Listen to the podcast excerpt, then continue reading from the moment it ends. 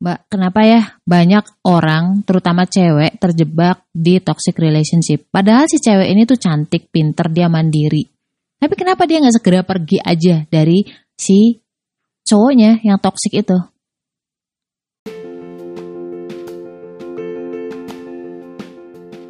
Assalamualaikum warahmatullahi wabarakatuh. Kenalin aku Ria Marliana, teman healing kamu di podcast Self Healing ia akan ngobrol tentang banyak hal berdamai dengan luka melalui psikologi Islam, Quran dan juga hadis.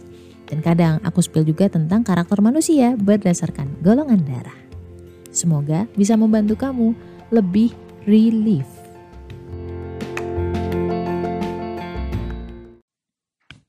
Beruntunglah dan bersyukurlah karena ketika lo masih mempertanyakan itu berarti kamu belum pernah ngalamin. Kalau lo pernah ngalamin, kamu mungkin gak akan mempertanyakan itu. Jawabannya pasti ada yang bilang bucin. Gak salah sih. Nah pertanyaannya adalah kenapa orang sebucin itu sampai hilang akal? Prosesnya tuh enggak singkat. Proses sampai kepada ke toxic relationship, pada posisi terjebak relationship. Hal pertama yang dihancurkan oleh korban, eh oleh korban, oleh pelaku dari si toxic ini ya, adalah harga diri si wanitanya. Caranya banyak dan itu tidak selalu berhasil di satu orang. Bisa berhasil di si X tapi belum tentu berhasil di Y. Tergantung, tergantung. Aduh, kenapa jadi Bali? Tergantung self esteemnya atau bagaimana cara dia melihat dirinya. Kalau orangnya memang watak dasarnya adalah minderan, terus kayak merasa nggak pede, itu gampang banget dijadiin apa ya bulan-bulanan oleh para pelaku toksiker ini. Jadi dia yang pertama adalah diserang harga dirinya. Sedangkan harga diri si pelaku akan dia naik-naikin. Seolah-olah nih kasarnya, si pelaku akan bilang ke dia bahwa, eh, kalau bukan gue, siapa lagi yang mau sama lo? Lo tuh gak berharga. Atau kalau nggak gini, gue nih banyak orang yang mau sama gue. Gak ada orang yang mau sama lo. Cuman gue yang mau. Kalau lo pernah nonton serial berjudul Yang Hilang Dalam Cinta. Nah, si Reza Rahardian lah itu contoh contoh orang yang bisa menghabiskan harga diri seseorang implisit banget cara tidak menghargainya. Nggak yang, eh kamu tuh jelek, enggak, enggak, enggak kayak gitu. Itu cara kuno. Nggak ada yang mau sama lo kecuali gue. Kata lo misalkan kayak, aku dulu tuh banyak banget loh orang yang mau sama gue gitu kan. Mengangkat dirinya sendiri. Nah, sampai pada titik si cewek ini merasa bahwa dia beruntung banget mendapatkan emas atau berlian atau suaminya atau cowoknya. Matanya ketutup karena saking bucinnya. Di, tapi di saat yang lain dia akan bisa membuat si cewek ini berasa kayak raja. Sikapnya bukain pintu, masakin. Ya hal-hal yang lu bagai princess banget lah. Lu dibikin bingung dulu tuh di saat itu.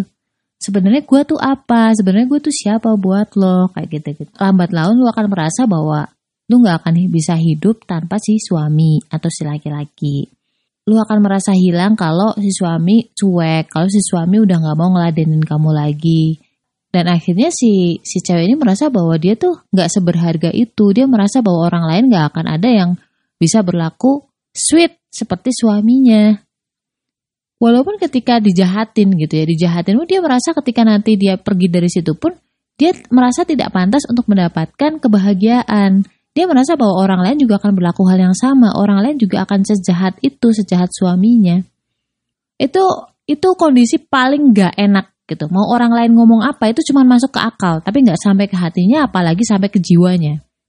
Itu tuh suami lo, itu tuh udah nggak menghargain kamu. Kenapa lo masih bisa bertahan gitu kan? Nanti dia akan membela, Enggak, dia itu melakukan itu sebenarnya tuh dia sayang sama aku. Dia tuh lagi marah aja. Jadi ada pembelaan-pembelaan tersendiri. Yang pada intinya tuh sebenarnya dia nggak bisa lepas dari si suami. Jadi ketika dia pergi dari si suami, nggak ada orang yang mau menerima dia. Nggak ada orang yang bisa berlaku baik terhadap dia. Karena apa? Karena dia tidak berharga. Itu kejahatan psikologis sih menurutku.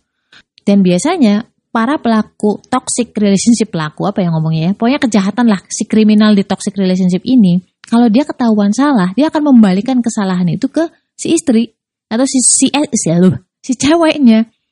Contohnya dia ketahuan selingkuh, dia pasti akan bentak duluan. Loh, kamu nuduh gua gitu kan. Kenapa? Sekarang selama ini kurang gitu. Jadi kayak fokus kesalahan itu akan dirubah dari yang awalnya dia yang selingkuh ke istri yang menuduh gitu. Kan akar permasalahannya adalah dia selingkuh gitu kan. Perkara si istri nuduh atau enggak itu kan uh, apa namanya haknya dia bertanya. Dan gue udah pernah ngomongin tentang trik gaslighting ini di episode di bawah. Gue kasih linknya di bawah ya. Buat kamu golongan darah B yang ingin tahu nih, kenapa ya kamu tuh susah mengingat nama, kurang peka, dibilang aneh, susah dapat pasangan, gue ada ebook nih, Beauty in a Beast.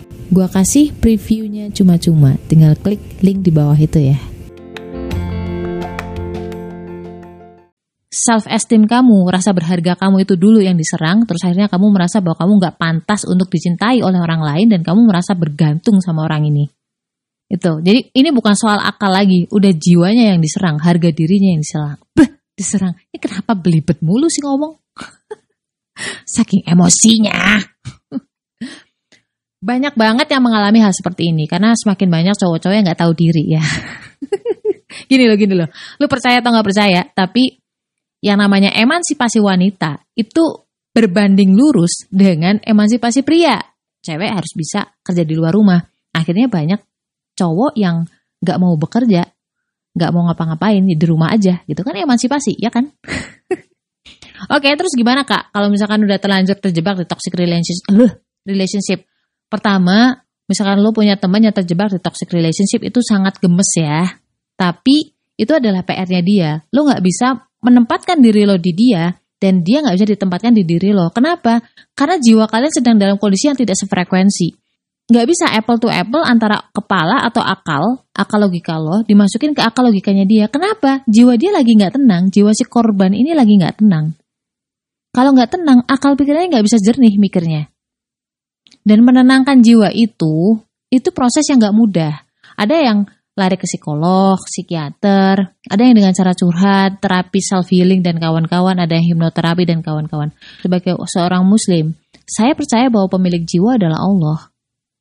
Pertama, nggak usah memutuskan apa-apa dulu deh, selama memang keselamatan kamu masih bisa dijaga ya. Yang pertama yang lo lakuin adalah tenangin jiwa dulu. Kalau udah tenang, lo udah bisa mendapatkan self esteem, rasa berharga diri lo lagi, lo sudah mendapatkan self love lagi, baru nanti bisa berpikir dengan jernih Bagaimana caranya deketin Allah udah?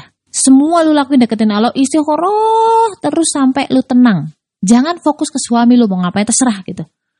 Kalau misalkan lagi panic, panic attack atau anxiety, gelisah, worry apa pun yang membuat hati lo tuh uh, jantung lo deg-degan, naik turun naik turun, segera ambil air wudhu sholat sering-seringlah puasa. Insya Allah dari situ Allah akan menolong lo dengan cara membuat jiwa kamu tenang dan ketika jiwa kamu tenang itu kamu lebih bisa mendapatkan rasa berharga lo gitu.